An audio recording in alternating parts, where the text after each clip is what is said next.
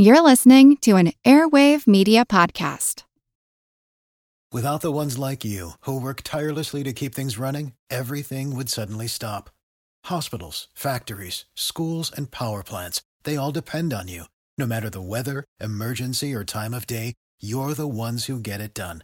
At Grainger, we're here for you with professional grade industrial supplies. Count on real time product availability and fast delivery. Call click grainger.com or just stop by. Grainger for the ones who get it done. As a longtime foreign correspondent, I've worked in lots of places, but nowhere as important to the world as China. I'm Jane Perlez, former Beijing bureau chief for the New York Times. Join me on my new podcast, Face Off US versus China, where I'll take you behind the scenes in the tumultuous US China relationship. Find Face Off wherever you get your podcasts. This is Kick Ass News. I'm Ben Mathis.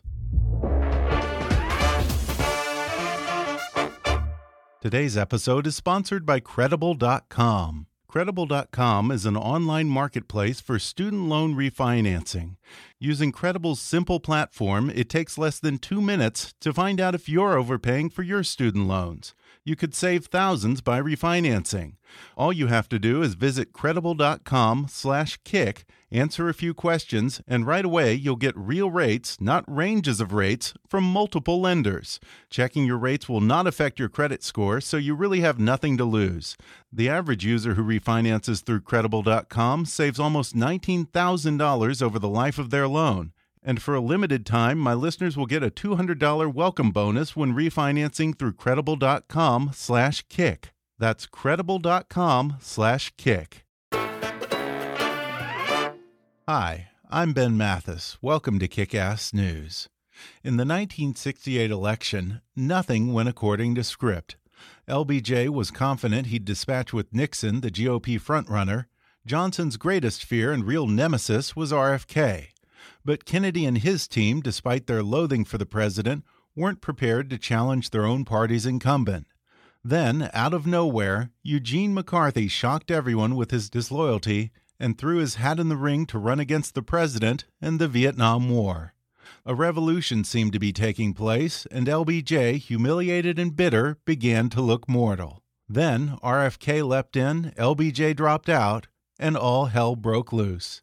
Two assassinations and a week of bloody riots in Chicago around the Democratic convention later, and the old Democratic Party was a smoldering ruin. And in the last triumph of old machine politics, Hubert Humphrey stood alone in the wreckage. Suddenly, Nixon was the front runner, having masterfully maintained a smooth facade behind which he feverishly held his party's right and left wings in the fold through a succession of ruthless maneuvers to see off George Romney, Nelson Rockefeller, Ronald Reagan, and the great outside threat to his new Southern strategy, the arch segregationist George Wallace. Nixon then pulled off one of the greatest dirty tricks in American political history an act that may well meet the statutory definition of treason, setting the tone for Watergate and all else that was to follow, all the way through to today. For Lawrence O'Donnell, the host of MSNBC's The Last Word, the 1968 U.S. presidential election was his political awakening, and in the decades since, it has remained one of his deep abiding fascinations. For years, he's deployed one of America's shrewdest political minds to understanding its dynamics, not just because it's fascinating in itself, but because in it is contained the essence of what makes America different and how we got to where we are now. Lawrence O'Donnell writes about it in his newest book, Playing with Fire The 1968 Election and the Transformation of American Politics. And today he joins me on the podcast to talk about the war that sunk LBJ's presidency and the wild election that followed. He discusses the bitter rivalry between Johnson and his own Attorney General Robert Kennedy, Kennedy's gradual transformation from Vietnam hawk to peace candidate, and the assassination that threw the Democratic primary into chaos, leading up to the most violent political convention in U.S. history. He laments the indignities suffered by Senator Eugene McCarthy at the hands of the Democratic Party establishment, examines the difficult political position of the eventual Democratic nominee and Johnson's vice president, Hubert Humphrey, and analyzes the strategy behind the unlikely political comeback of Richard Nixon. Plus, we talk about Nixon's scandalous October surprise, the disturbingly familiar tone of the George Wallace campaign, and how 1968 set the stage for every presidential election to follow. Coming up with Lawrence O'Donnell in just a moment.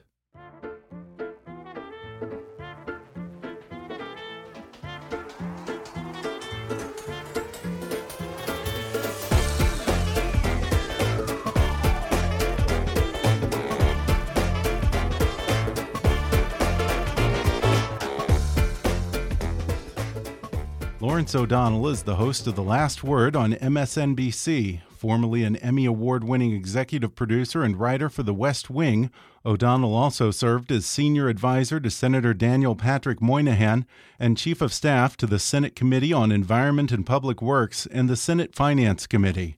He's the author of Deadly Force, and his writing has appeared in the New York Times, the Washington Post, Los Angeles Times, and elsewhere.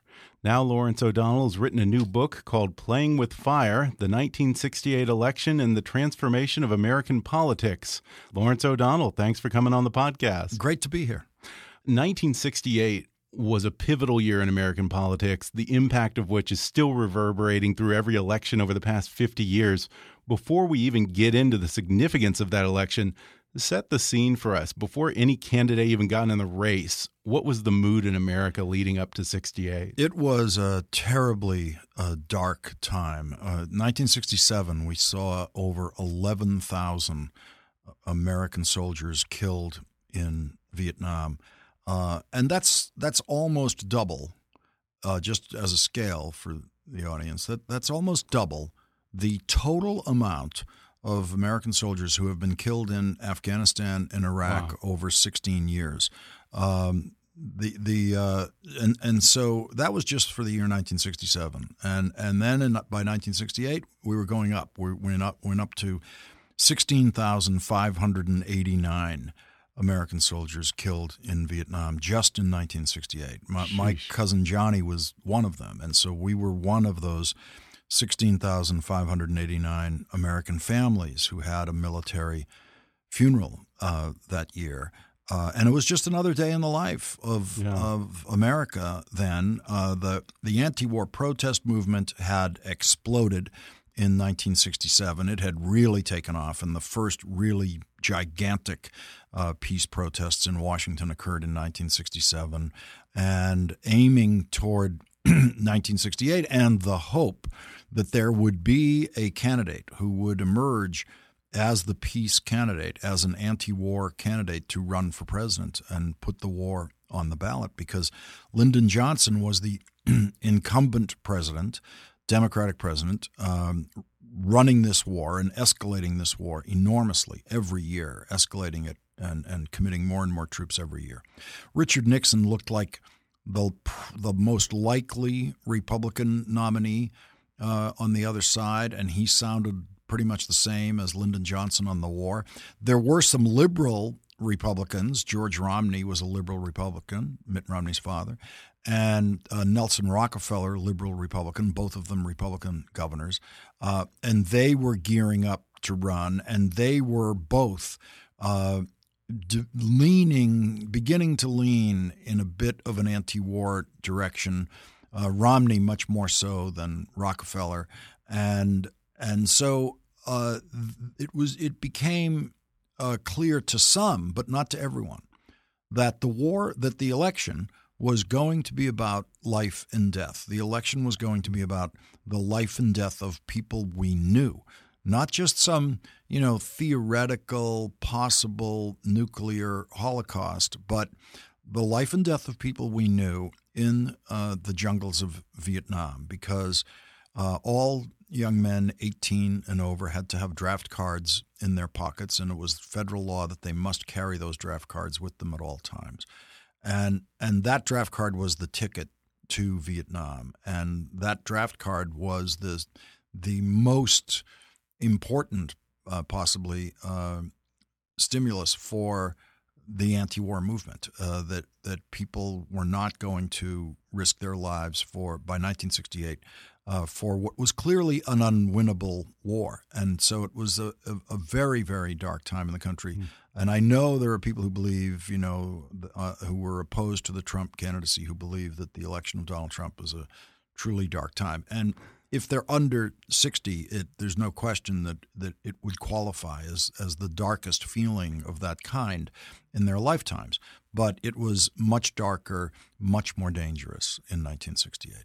Yeah, and you say that LBJ's guiding principle throughout it all was that he was determined not to be the first president to lose a war. Was it entirely about ego for him?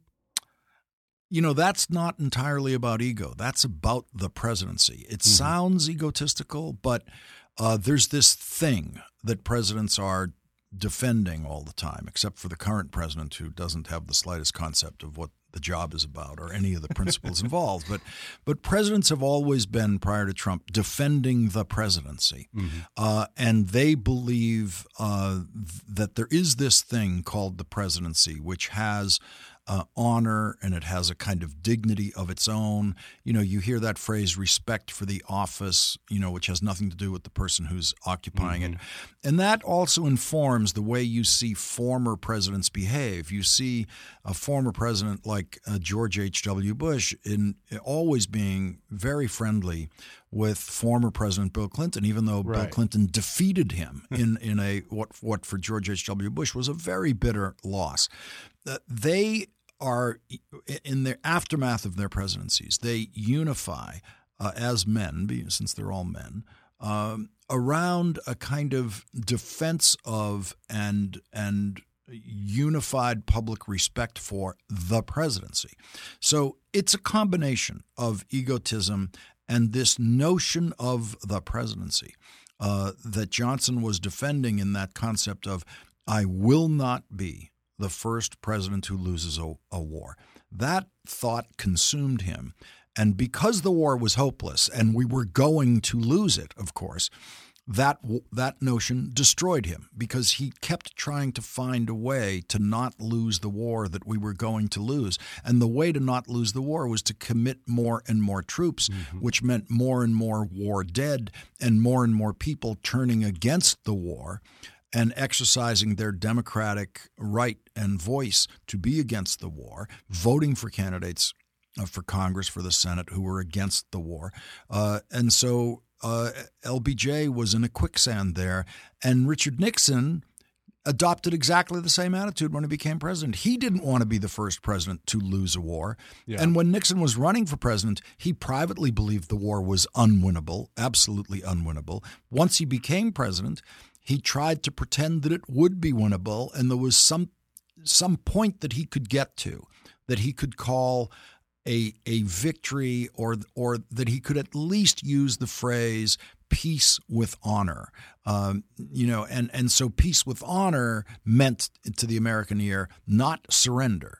That a surrender has no honor in, in in the American ear at that point. And of course, Nixon couldn't ever get to that point, ever get to this peace with honor stage. And so ultimately, in the end, truly, everything that you saw there was simply a surrender. The United States of America simply surrendered in the guise of some kind of negotiated process. And as soon as the United States uh, pulled out of Vietnam, South Vietnam collapsed, North Vietnam won the war, we lost. The liberal wing of the Democrat Party was searching for a peace candidate to run against LBJ, which I don't think had ever really happened. That kind of an insurgent campaign against an incumbent had it. No, and we had never had an anti-war presidential candidacy right. ever uh, that was not that a was, successful. That one. was yeah, that was even that, that anyone took seriously. Mm -hmm. um, and so you know, the pacifists had run for office. You know, they in the in you know in, not just third party candidates, but seventh and eighth party candidates on ballots in some states. But um, uh, so this was the first anti-war candidacy that had real impact. This was Senator Eugene McCarthy, who decided to run for president in order to put the war on the ballot. And in order to do that as a Democrat, he had to run against his own Democratic president uh, and enter the primaries against his own Democratic president. Now, when there's an incumbent president, that party doesn't even have primaries. In 2012, there were no primaries for Barack Obama. He got the nomination without ever running in primaries and no de- because no Democrat ran against him. That's normal. That's the way it's supposed to be. Uh, Gene McCarthy violated all of that, decided to go to New Hampshire, uh, run against President Johnson, and he did very well. And he did so well that Bobby Kennedy jumped into the race after New Hampshire. Uh, and suddenly, this insurgency uh, against the Democratic establishment had two candidates in it, uh, Gene McCarthy and Bobby Kennedy. And the really interesting thing about Bobby Kennedy is he was the Democratic establishment. Here's an establishment guy running against the establishment. And so the confusion, eh, to put it mildly, uh, was wild and, and kind of uh, suddenly we're in this totally unpredictable zone. So unpredictable that Lyndon Johnson, uh, after Bobby Kennedy got in, ultimately decided I'm dropping out of the race. He, Yeah. the candidate Lyndon Johnson feared more than any other was Bobby Kennedy. He feared losing to Bobby Kennedy. Richard Nixon feared losing to Bobby Kennedy. Gene McCarthy would not have run for president if Bobby Kennedy had got in 1st mm-hmm. Gene McCarthy wanted Bobby Kennedy to run for president as the peace candidate, but Bobby Yeah. thought about it, turned it down. That left the opening for McCarthy, and McCarthy seized that moment. Throughout this, I think one of the most sympathetic characters in this is Eugene McCarthy because it seems to me that he's constantly treated as a stalking candidate. The only reason he runs is because Bobby says he's not going to. He seems to be kind of everyone's second choice except for this band of very, very loyal McCarthyites, the Clean for Gene crowd. Um, it seems like he's just always getting shortchanged and double dealed throughout the 1968 yeah, he, election. he- you know, he this was uh, kind of an astonishing uh, moment uh, from a dramatist's perspective, Yeah. uh, because this really was uh, what happens when a poet runs for president. Gene McCarthy was was to be found in his Senate office more often than he should have been, reading poetry or writing poetry when he was supposed to be out there writing legislation and voting on it. He was this really deliberative intellectual uh, who a lot of senators thought was aloof and wasn't interested in the daily hard work of the Senate. But he was interested in big ideas. No one denied that. And he was a genuine intellectual. No one denied that. And Gene McCarthy really was the last presidential candidate who believed uh, that the best way to win the hearts and minds of voters was to flatter their intelligence. He would quote poets they've never heard of uh, in the middle of speeches. Uh, he would go on and on like a college professor in in a kind of uh, detail, and he would never worry about am I getting applause or cheers. He would never try to work, you know, for that kind of crowd reaction. Uh, and and his crowds really did love that, to the surprise of political operatives, because his crowds were all at the beginning college students themselves. They were accustomed to hearing professors they respected speak for 45 minutes without an applause line. You know, so they had the attention span for this. Uh, and he, but he was a truly uh, unusual character. Uh, with the the book got a review in. Uh, the Minneapolis uh, newspaper, where Gene McCarthy sent, was the senator from Minnesota, and that review declared Gene McCarthy to be the hero of this book. And I hadn't thought about it that way, and I certainly never said that as a sentence in the book. But I completely understand that interpretation of it. It's a very, very fair interpretation of it. Uh, he's also a wonderfully flawed character, and I say that uh, from a dramatist's perspective. You know, the the the kind of perfect guy is a very hard guy to write about uh, because it's unidimensional, and and there are there. By the way, there are virtually none of those in politics. So you'll and when you're in politics, you're always going to be writing about flawed human beings uh, who and and you know the the flawed human being whose temperament is flawed. McCarthy's temperament was flawed. His his strategic thinking as a politician was flawed, uh, but his nobility of purpose in this story is unquestionable. He set out to save lives. He set out to stop a war and save lives. And he actually did, in the end of the story, accomplish that. And the end of the story of the 1968 election was not election night 1968.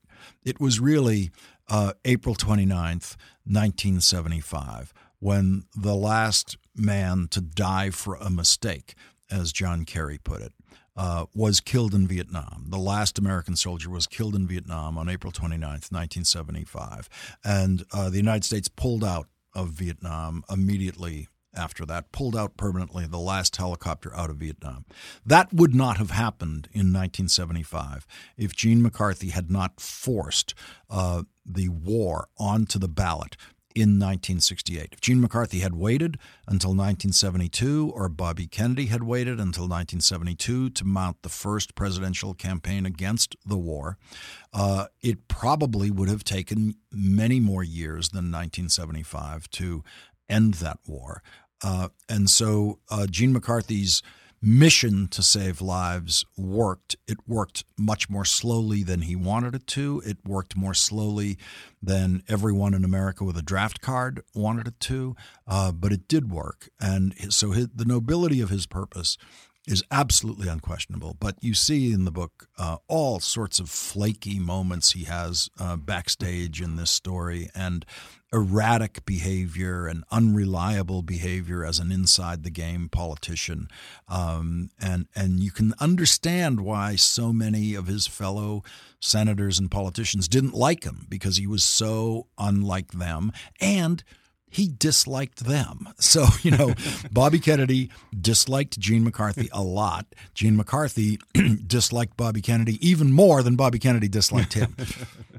now, you said a moment ago that LBJ most feared Bobby Kennedy getting into the race. What had the relationship between LBJ and his attorney general been like prior to that election? Absolutely terrible. And it was terrible. Uh, it was always terrible.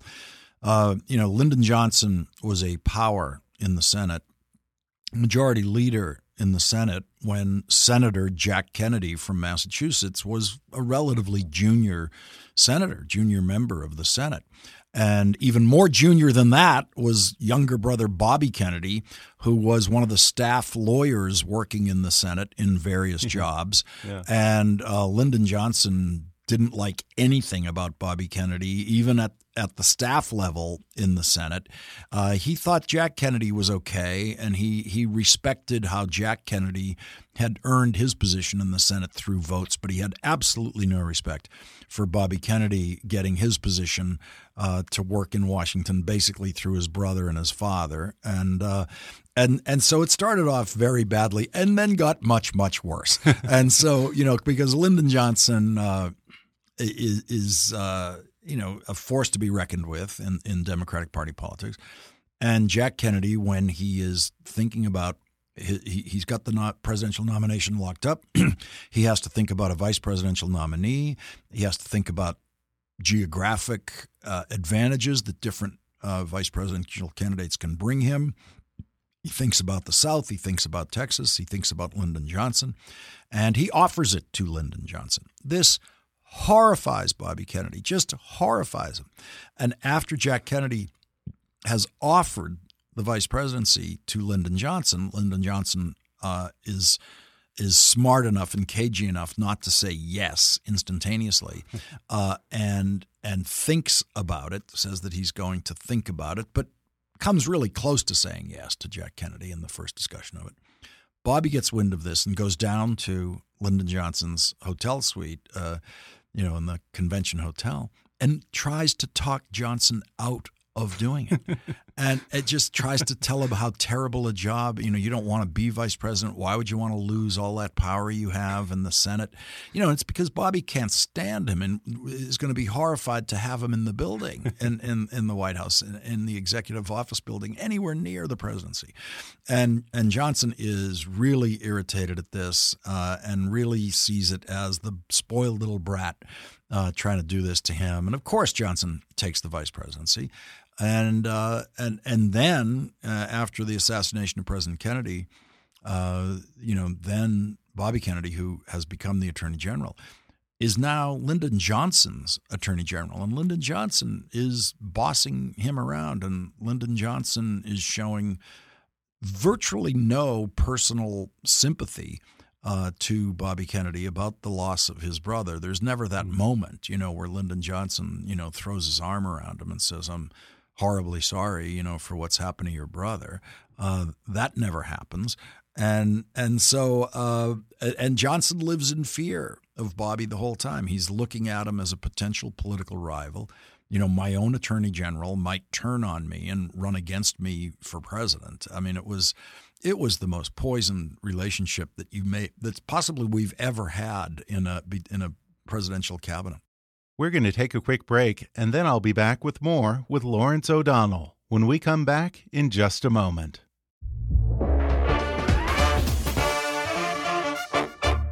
Today's episode is sponsored by Credible.com.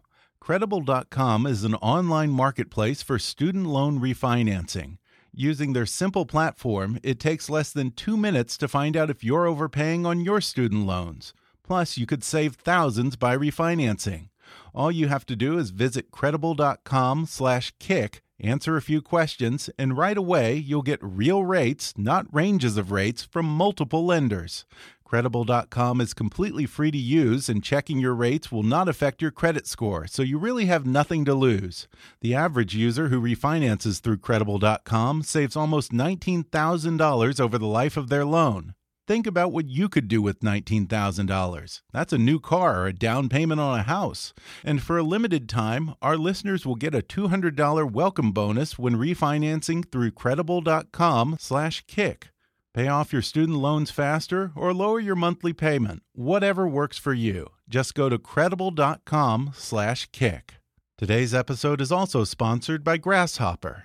If you're an entrepreneur, a small business owner, or even if you have a side gig, you need to know about Grasshopper, the entrepreneur's phone system. Grasshopper lets you run your business from your cell phone while keeping your business and personal lives separate. Choose from Grasshopper's huge inventory of local, toll free, or vanity toll free numbers. Simply forward your new number to your mobile phone and start taking calls immediately. Whether you're in an office, in your car, or out shopping for the holidays, Grasshopper's iPhone and Android apps help you stay connected to your customers. Not to mention, you can send and receive calls and texts from your business phone number, set up multiple extensions for everyone on your team, Get your voicemails transcribed and emailed to you. Work from anywhere with call forwarding to make and receive calls from your computer via the desktop app, and even utilize Wi Fi calling. Better yet, Grasshopper offers an easy and instant setup and 24 7 customer support, all without any long term contracts. Be professional, responsive, and efficient with Grasshopper. Get your business phone number today. Go to grasshopper.com slash kick to get $20 off your first month. That's grasshopper.com slash kick. And now, back to the podcast. I've always wondered how much of the enthusiasm was actually for Bobby Kennedy as opposed to trying to reclaim Camelot and frame him as the second coming of JFK? You know, I don't think you can separate this mathematically and mm. come up with a percentage. It's it, the answer is 100% of it. Uh, and yet Bobby Kennedy was his own person. Mm-hmm. Uh, every moment Bobby Kennedy was on a stage as a politician, people were look after the assassination. People were looking up at him adoringly, with tears in their eyes because they were seeing his brother. But through Bobby, they had hopes of a restoration of a Kennedy presidency because Bobby was the one who could bring them that. And so they loved Bobby, and they, they loved him, the people who supported the Kennedys, as they were called in those days. It, it was considered, you know, there was no such thing in a certain way as Jack Kennedy. It was the Kennedys. Yeah. And it meant this massive force of, of, of, political power that was coming at you.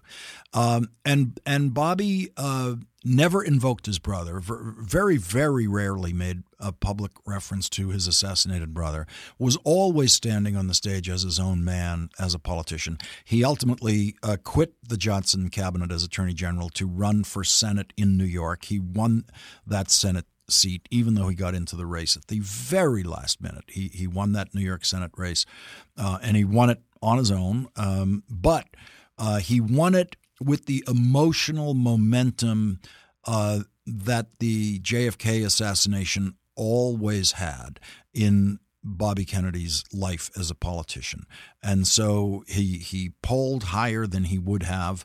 Uh, he scored higher than he would have with voters, without uh, the the incredible uh, uh uh, emotional aspect of the the JFK assassination, which lasted for years in this country. It, it, yeah. it, those of us who were alive, I was in elementary school at the time, and it, it was a thing that stayed with us and that we could feel for could feel very actively for 25 years afterwards. And Bobby was, as you mentioned a moment ago, not an obvious choice to run as a peace candidate. He had supported the war. His brother helped get us into it. How did he evolve from Bobby the Hawk to Bobby the peace candidate? He did it the way every single member of the Senate did it. Uh, the uh, the Gulf of Tonkin resolution, which was passed uh, when Lyndon Johnson was president, which he then used as a way to authorize vastly escalating the war and committing, you know, hundreds of thousands more troops and waging full-scale war all of the senators, every senator voted for the Gulf of Tonkin resolution except for one, Wayne Morse. And Wayne Morse was defeated in his reelection campaign because he didn't vote for that. Uh, but Gene McCarthy voted for it. Every single person who became anti war uh, in the Senate uh, by 1968 voted for the authorization. And so uh, so Bobby was evolving. I see him now as evolving in a way that makes perfect sense in its time and its place in the 1960s. At the time when I was a kid, watching it from a distance as a high school kid in Boston, Bobby in 1968 appeared to me to be an opportunist. He appeared to me to be the guy who watches Gene McCarthy bravely go up to New Hampshire and uh, battle Lyndon Johnson in that first primary that everyone thinks, you know, uh, you know, Gene McCarthy's going to be left for dead in a snowbank in New Hampshire. and Gene McCarthy comes out with this fantastic, very, very strong second place showing, which no one, he got over 40% of the vote. No one expected him to get over 4% of the vote when he started. And so from from that perspective, when you know nothing about what was happening backstage, Bobby looks opportunistic and the real fervent McCarthy supporters hated Bobby Kennedy for jumping into the race and therefore, in their mind, splitting the peace vote. Mm-hmm. The more I know about Gene McCarthy, the we- the weaker he was as a candidate. The more I can see him backstage, the more I understand how unreliable and weak he was as a candidate to go through the full battle of a presidential campaign of seizing the nomination, beating Nixon, um, and Bobby is the opposite. Bobby is going to be the absolute best inside player at getting delegates that you don't get in the primary uh, process because most states didn't have primaries. So most of your delegates you're going to have to persuade in a in basically a one-on-one process. Bobby was going to be much better at that than than Gene McCarthy ever could be, uh, and he was going to be a much more dedicated, determined candidate who would never have a bad day. Uh, Gene McCarthy had plenty of bad days uh, as a candidate, both in performance in the outside game on a stage and in the inside game in the in the back room. Uh, and Bobby thought about running for president long before Gene McCarthy did. He thought about it. He decided against it. He thought about it again. He decided against it. The people who were trying, the liberals in the party who were trying to find someone to run against Johnson on the war, the wanted Bobby. Gene McCarthy wanted Bobby Kennedy to run for president so yeah, there would be the an anti-war candidate. And then Bobby didn't and Gene McCarthy really said he was going to do this only because Bobby wasn't doing it. That was that that's what he wanted to happen. Uh, and so I, I actually don't see Bobby any longer as this opportunist. I understand his thought process and remember he had a unique burden. He was the only person who, when contemplating a run for president, had to worry that it might provoke a copycat assassin who wanted to mm. get the next Kennedy on his way to the presidency. And it turned out that fear was justified. Yeah. How did the Robert Kennedy assassination alter the Democratic race? Well, it, it meant that Hubert Humphrey was pretty much guaranteed the nomination because right. Hubert LBJ had, once LBJ dropped out, his vice yeah. president Hubert Humphrey decides I'm going to run. It was too late for Humphrey to enter any of the primaries. He didn't enter a single primary. He did not win one primary, and he won the nomination because you could win the nomination just by working the delegates in the convention hall yeah. in those days. And this was the smoky back room yeah, days and, and, and you, you, could ignore the primaries, and, yeah. and he did. He would. I don't believe. I believe Humphrey and Kennedy would have fought for that nomination right down to the wire, and I think they, I think the delegates would have decided Bobby is the stronger candidate to beat Nixon, and I believe they would have gone with Bobby.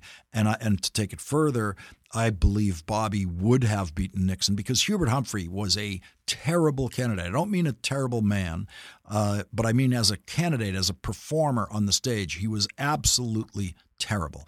Uh, he was hamstrung by Johnson. There were all sorts of things he wanted to say that he couldn't say, so he sounded muddled and confused and weak all the time. Uh, and the you know the country had gotten used to seeing this incredibly glamorous and exciting campaign run by Bobby Kennedy that was ended by an assassin's bullet and Hubert Humphrey was a terrible uh, inheritor of all of that momentum and and still and still in the end Hubert Humphrey surged uh, in October and closed right. to within 1% of Nixon. And Nixon beat Hubert Humphrey by less than 1% of the vote. And I have to believe that a dynamic Bobby Kennedy campaign uh, would have done 1% better than Hubert Humphrey. That's all it had to do. well, yeah. I mean, Nixon was such an unlikely person to and come back and, and redeem the Republican Party that year. Nixon was also very unlikable. You know, he yeah. wasn't one of those guys who you could embrace and go, oh, I love this guy. It was, well, he's the guy. Yeah. He's the Republican, so I'm with the Republican. Yeah. I mean, he had been pretty much politically left for dead after he had lost the 1960 election to Kennedy, and then he couldn't even win governor of California. I mean, it's rare for yeah, a presidential loses, candidate, a, a, loser, to get a second in, chance. So how did he manage this 19, comeback? In 1960, Richard Nixon becomes the first vice president in history to lose a presidential election first sitting vice president to lose a presidential election, loses it to Jack Kennedy by less than 1% of the vote. Uh, two years later, he loses a campaign for governor of California, which everyone thought was an incredible you know, self demotion to go from vice president uh, and a presidential contender to governor of California. Like, even if he got the job, it looked like a booby prize. And he manages to lose that. And then he does this very bitter press conference where he says, you know, you won't right. have Nixon to kick around anymore, you know, which people remembered forever. And so that's the guy who's trying to rebuild and revive his political career by 1968 uh, to run for president. And the reason that he can do it is that the Vietnam War is going so badly. Uh, and because Nixon has organized an incredibly effective corporate run campaign. Mm-hmm. Including and, Roger Ailes. And he has brought in Roger Ailes, yeah. who was working in show business, producing a talk show in show business. Uh, Richard Nixon lures Roger Ailes out of show business, asks him to create uh, TV ads for his 1968 uh, campaign. Ailes does that. He does it brilliantly. He comes up with a, a form of TV advertising we hadn't seen before. It's been copied by everybody since. Uh, so, so uh, you know, Nixon put together every single element he needed.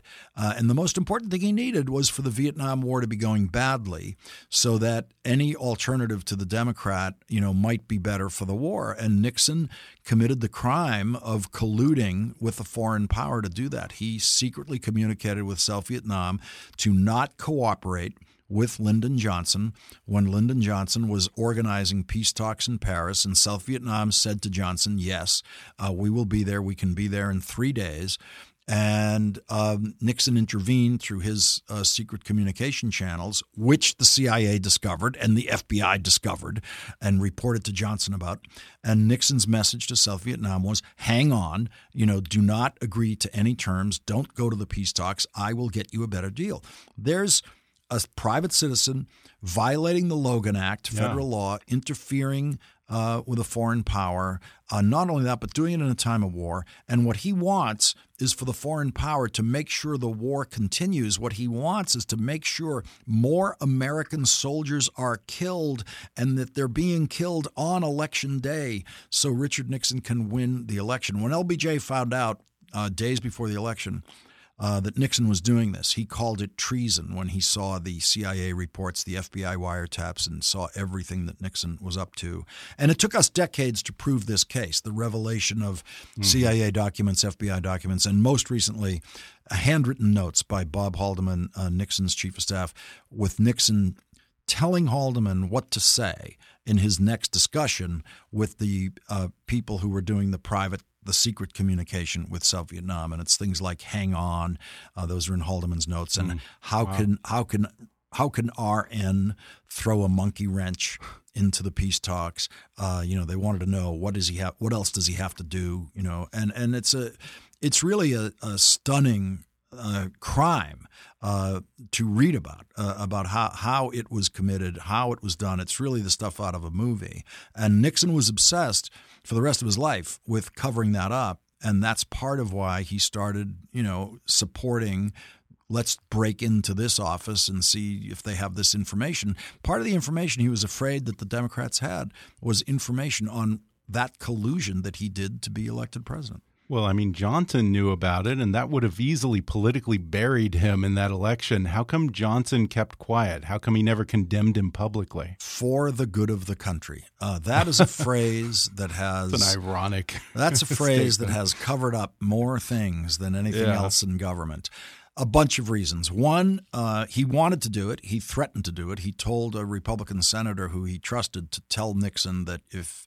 that he would expose him if he kept this up. Hmm. And Nixon was not afraid of Johnson exposing him because I think Nixon guessed correctly that that Johnson not only will Johnson not expose him, but he will be advised not to expose him by his very own Secretary of State and Secretary of Defense. Really? That's exactly what they did. They said, We cannot expose this because it will reveal our intelligence sources. It will reveal that we have wiretaps on embassies in Washington. It will reveal much too much about our methodology. Uh, so that was one of the practical reasons. And those are very serious reasons because this involved CIA information, it involved FBI wiretaps that you would never want to make public, and you would have to in order to prove your case. Uh, and then if you didn't, if you said, I'm just going to assert it, I'm just going to let the Washington Post and the New York Times know it, the problem would be you wouldn't be believed, you know, because it's a political season. You're the Democratic president. You're saying condemning things about the Republican nominee. That's no surprise to anyone. It sounds like you're just trying to help the Democrat beat the Republican. That's what they said uh, Johnson would sound like. And then there was this larger thing, which was these wise men in the White House wanted to protect the presidency and the image of the presidency. And they didn't want people to believe that someone who was capable of doing something like this could have been the vice president of the United States and could get this close to the presidency, mm-hmm. whether he won or came in second.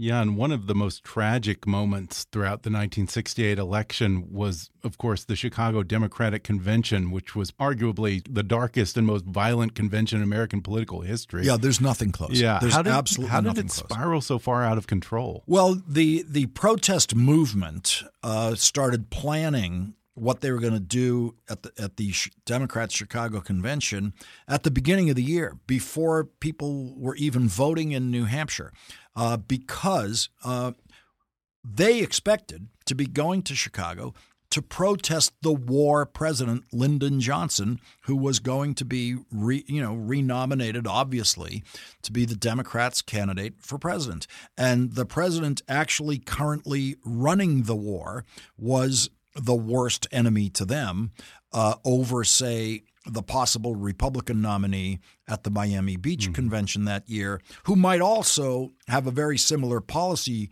uh, to Lyndon Johnson's, but Nixon or whoever that nominee was going to be would not actually be responsible for the war that day. Mm-hmm. And so that's what they expected to go to Chicago to protest. Um, when they saw Bobby Kennedy jump into the race, uh, a lot of the people who wanted to have the big protests in Chicago were actually disappointed because they, Jerry Rubin, one of the Yippies, uh, one of the leaders of the Yippies, actually wrote a column in the Village Voice about how disappointed he was that uh, you know that Bobby Kennedy was in the race because he he said you know we we wanted to go to Chicago and prove to you that you live in a police state. And now what? You know we go to Chicago and and this Kennedy peace candidate gets the nomination. You know this was before the assassination. Yeah. and so all of that was in motion. And then the Chicago convention uh, as it happened was going to turn out to be the place where the war president Lyndon Johnson was going to see his chosen successor, his vice president Hubert Humphrey, nominated. And so it did have uh, the, the the quality of being the place to be if you wanted to protest the current Vietnam War policy. And that's what was driving all of those protests. So then, once the convention had happened and Humphrey was the candidate, who did the McCarthyites go to? Who did all those clean for Gene people go to? Did they sit on their hands in well, the general Gene election? McCarthy, go to Nixon? The way the convention was supposed to work, uh, what everyone thought was going to mm -hmm. happen, is that two names were going to be put in nomination, at least two Hubert Humphrey and Gene McCarthy. And uh, George McGovern had gotten so right. kind of disgusted and dissatisfied with the way Gene McCarthy was running his campaign that George McGovern had decided he was going to put his name in nomination as kind of an heir to the Bobby Kennedy campaign. So we were going to have these three names put in nomination. McGovern would have gotten the smallest amount of delegates. Uh, McCarthy had earned a, a, very substantial amount of delegates through the primary process. And Humphrey had a massive amount of delegates, all from the inside game. So the most likely thing was these three names were going to be put. Uh, in nomination, Humphrey would win on the first ballot. But there was an outside chance, you know, that there could be a, a, McCarthy surge of some kind, but a very outside chance. Everyone concluded that was virtually impossible, and the most important person to conclude that was Eugene McCarthy. Hmm. And he had an idea. And he communicated this to Stephen Smith, who was a, a very cl- uh, close uh, Kennedy man, that he was willing to step aside and put all of his support behind Teddy Kennedy who was not attending the convention. He was uh, at his summer home in Hyannisport grieving his brother's assassination. He had no intention of going to the convention. Um, and the word came to Teddy Kennedy that Gene McCarthy is willing to step aside for you. Uh, Richard Daley, the mayor of Chicago, power broker was very interested in the possible Kennedy draft because they were watching, the establishment guys were watching how bad a candidate Hubert Humphrey was out there on the campaign stages. He was just terrible, performing terribly.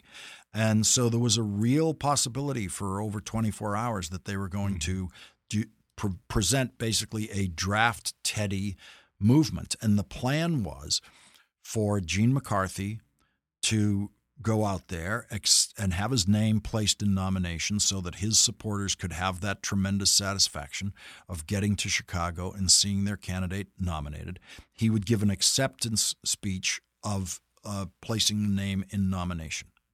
Uh, and he would then ask his supporters to support the name Teddy Kennedy, you know, Senator Ted Kennedy, when they actually call the roll for votes of delegates for what candidates you're voting for. That was the plan.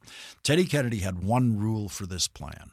If any of this plan leaks, if any of this becomes public before Gene McCarthy actually does it on the convention stage, then I will not allow it. This has to come as a pure draft. It has to be seen as a pure draft publicly. I will not participate if this is leaked as a plan ahead of time. And it's a crazy, out of control convention. So it was leaked. uh, and, a, and, CBS reported it uh, uh, that there was something like this was brewing, and that was a very it wasn't a completely accurate mm-hmm. report, but it was more than 50% accurate. It was accurate enough for Teddy Kennedy to immediately uh, drop out of the mm-hmm. race. Uh, tell everybody in Chicago, nope, don't do this. Don't anyone dare put my name in nomination. He called up Hubert Humphrey and said, uh, I'm with you uh, and I'll be supporting your candidacy. And of course, all the McCarthy people then went on in the general election to go around protesting Humphrey at every campaign stop. Yes, Not they Nixon, did. but Humphrey. Yes, they did. and Humphrey had an incredibly difficult time uh, with that. And and and as I say, uh, you know, he if, if, he had one more day, Humphrey probably could have mm-hmm. closed mm-hmm. that one percent because he did finally separate from Johnson, not to the extent that McCarthy or Bobby Kennedy did, but he separated from Johnson's war policy in an identifiable way to voters. And as soon as he did that, he started surging up in the polls. How much of a spoiler was George Wallace in 1968?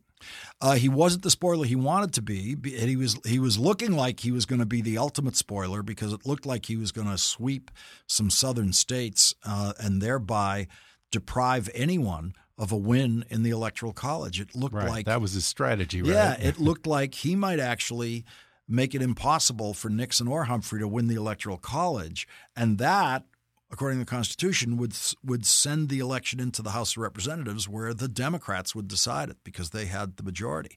And so, uh, what happened was he chose a vice presidential candidate who was terrible. Uh, and completely crashed the Wallace campaign just over the vice presidential candidate. And and his problem as his vice presidential presidential candidate Curtis LeMay was a former Air Force general in charge of bombing, and he talked very openly about the possible use of nuclear weapons. He sounded exactly like Donald Trump on the use of nuclear weapons. Well, if we have them, you know, we might have to use them sometimes. And he openly considered using nuclear weapons in Vietnam. Even Wallace supporters thought that was crazy, and they dropped Wallace uh, instantly. Wallace collapsed in the polls. He knew Wallace knew as he was listening to Curtis LeMay say this to reporters that his campaign was dying right before his eyes, and so Wallace ended up not being an actual factor in the outcome finally. Did a lot of the language used by Wallace and LeMay sound familiar? Uh, oh, it's all Trumpian language. It's all yeah. Trumpian language. Wallace's campaign manager told me last year that when he listened to Donald Trump campaign, he was hearing George Wallace of 1968. Wow. It was all the same stuff. Wow. What are some of the lasting impacts of this election now that we're about 50 years after that? You know, one of the most important uh, lasting effects of it is something that grows out of the first sentence of the book, where Richard Nixon meets Roger Ailes in the makeup chair at the Mike Douglas show. Richard Nixon's getting his makeup done to go on what Nick, Nixon thought of as one of these silly kind of show business talk shows of the day. It's 1967. It's the year before Nixon's going to formally announce his presidential campaign. He's gearing up for it. And Nixon complains to Ailes about the, um, you know, the, the, why is a serious candidate like me on a silly show business talk show like this? This provokes Roger Ailes, who's the producer of that show, who's just meeting Richard Nixon for the first time to light into Nixon for 15 minutes, telling him everything he's gotten wrong about television, everything he doesn't understand about television, and how television is the reason he lost the presidency in 1960, and he's not learning anything about it. And Nixon loves every word of this because no one talks to the former vice president like this. Everything Ailes is saying sounds correct to Nixon. It sounds like this is a real expert. And he asks Ailes to basically quit show business and come and join my campaign. And Ailes does that. He quits show business. He joins the Nixon presidential campaign. He creates TV ads that are better than anyone's ever seen in uh, campaign advertising at that point. He helps Nixon get elected. He helps Ronald Reagan get elected. He stays as a political media guy for presidential campaigns, helps George H.W. Bush get elected. He never goes back to show business. Uh, Rupert Murdoch hires him in 1996 to create Fox News as Republican TV, which he does, and he creates a flawless platform for Republican candidates called Fox News, and that is exactly the platform that carried Donald Trump to the presidency. And I don't believe there was anyone in Republican politics who could have created Fox News into a stronger uh, and and better supporter of Republican candidates than Roger Ailes' Fox mm-hmm. News. And I believe that if uh, Richard Nixon uh, didn't like what Roger Ailes was telling him in that makeup chair and did not lure Roger Ailes uh, into politics, we would have a different president today. Well, before we go, real quickly, there are rumors of people like John Kasich challenging Trump in 2020. Based on what happened in 68, what kind of advice would you give to any Republican insurgent? Well, you know, I think they're all uh, looking at that Gene McCarthy path of that insurgency on the edge of your party. Pat Buchanan did it in uh, 1992 in the Republican Party. He did it against George H.W. Right. Bush. He right. ran on the right side uh, of the party. If Kasich does it, it'll be something we've never seen before. He will be re- running on the moderate side yeah. of of the of the candidate instead of on the uh, extreme edge. So on the on the Democratic Party, we've seen it with Bernie Sanders. We've seen it with. Um, you know, with, Gene McCarthy, that running to the left of the establishment. On the Republican side, we've seen running to the right uh, of the establishment. And Buchanan, of course, did not win the nomination, but he really softened up George H.W. Bush yeah. in 1992 so that Bill Clinton could beat him.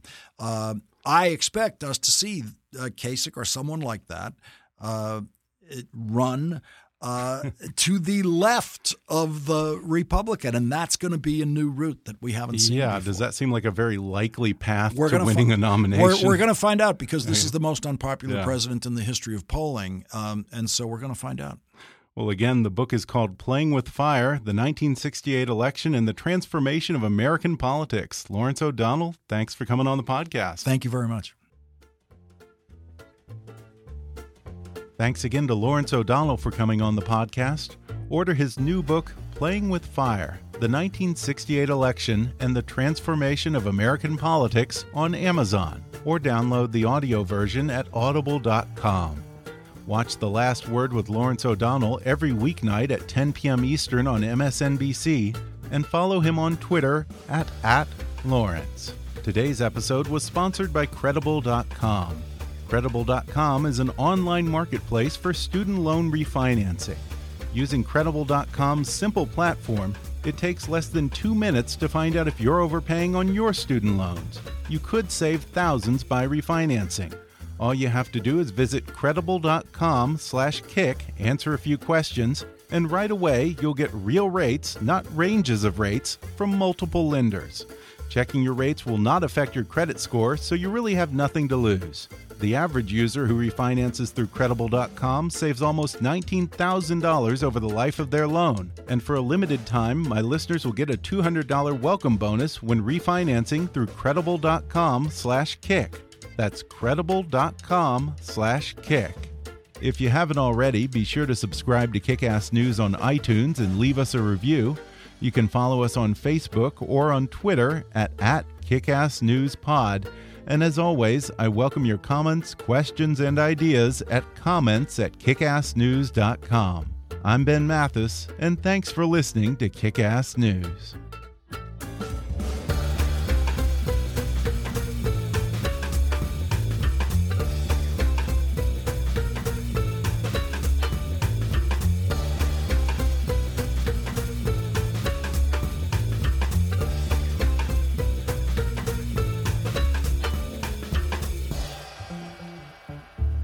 Kickass News is a trademark of Mathis Entertainment, Inc.